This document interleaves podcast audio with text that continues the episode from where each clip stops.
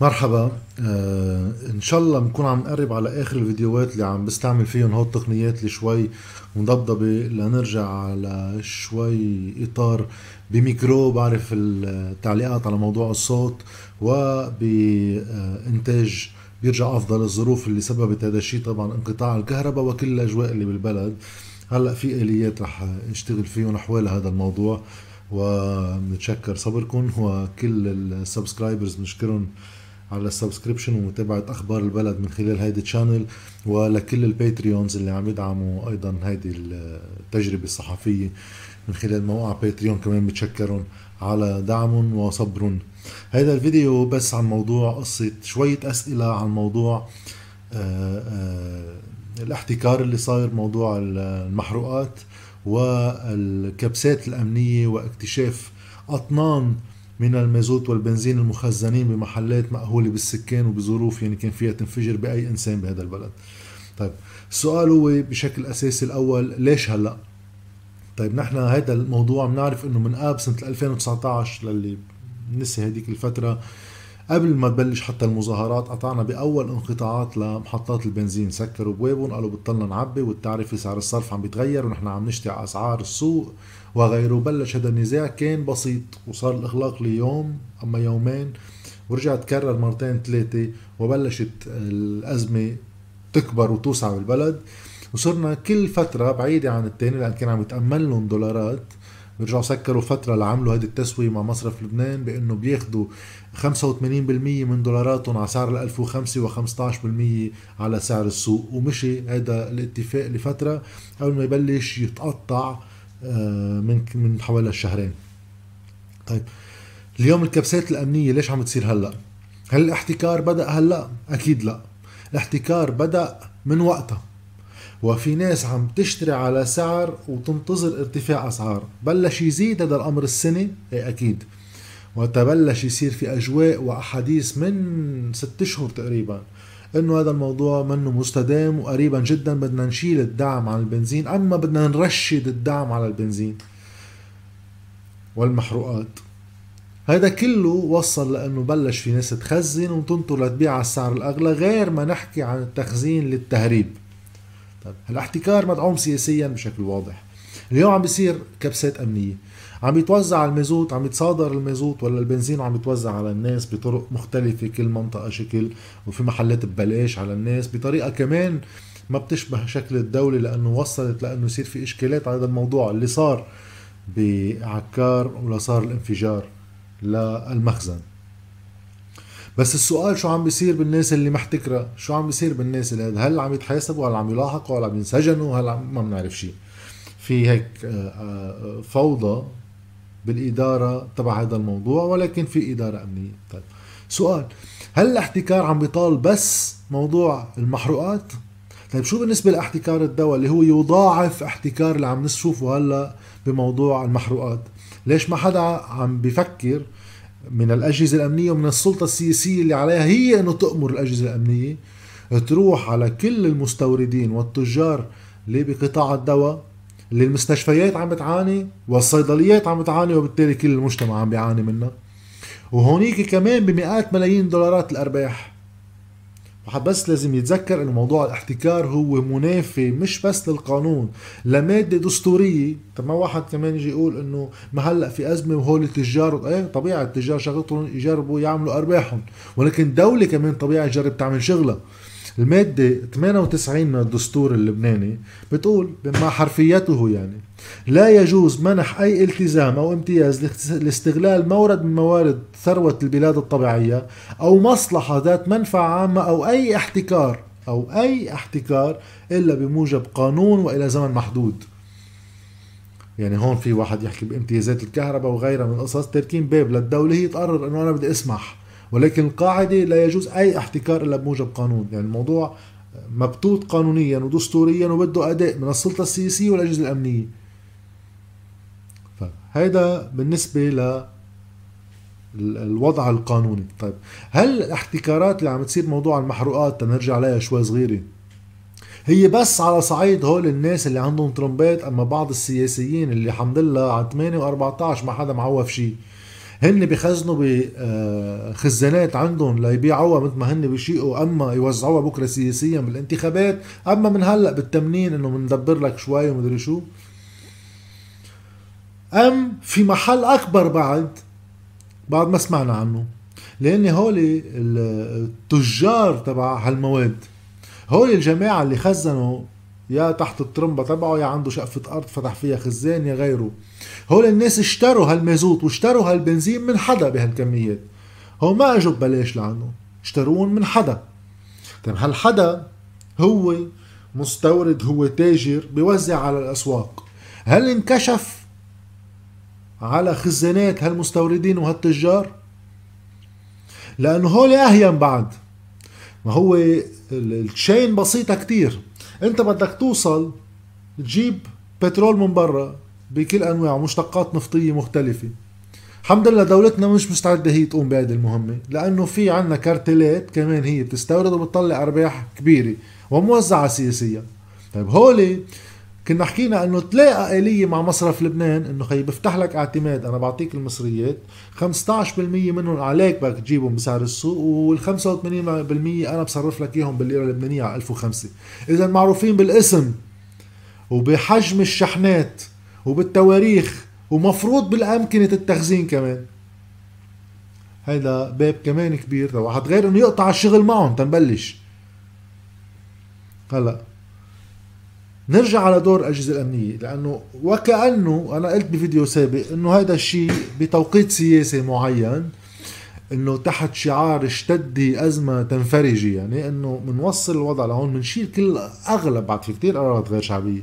بس على المدى القصير المطلوب بنشيل القرار اللي كان من وقت سعد الحريري قايل إنه هو مسربها يعني تسربت عنه إنه ما بيشكل حكومة غير ما حسان دياب يحمل قرار رفع الدعم ومسيو حسان دياب قرر يبطل لا يعمل شغلة ولا عملة. كرمال لما ياخذ هيك قرار. توصل القرار طلع من عند رياض سلامه بس الكل كان عارف فيه. طيب هيدا القرار وصل إنه الأجهزة الأمنية تاخذ تعمل شيء من شغلها. طيب هالشيء من شغلها هيدا اجى بوقت التوقيت السياسي اللي أنا عم بقول إنه بده يرجع واحد يلملمها من بعد ما أخذنا القرار. بعدين بنعمل حكومة بنظبط شوي بالقرار بنخفف شوي من تبعاته. وبنرجع بعدين بنعمل بطاقة للبشرية إنه يابا هاي بطاقة تمويلية خذوا لكم ال 100 دولار بالشهر. إنه كتر خيرهم منيح إجت هالحكومة عملت لنا شغل عظيم. بهيدا الواقع بتدرج الأزمة خلينا نرجع شوي. أول شيء خبرونا عم نحكي قبل الأزمة إنه يابا هيدي قصة آه، رفع التعرفة يعني الدعم عن فاتوره الكهرباء. وكمان هونيك ما. دولتنا اخذ قرار سنة ال 94 مسعره الكيلووات اللي نحن بندفعه على فاتورة الكهرباء تبعنا على سعر البرميل إذا ماني غلطان كان بوقتها بال 15 ولا 20 دولار. طيب غلي سعر برميل النفط ومؤسسة كهرباء لبنان مجبورة بالقانون تبيع على السعر الأرخص صارت تخسر الشركة.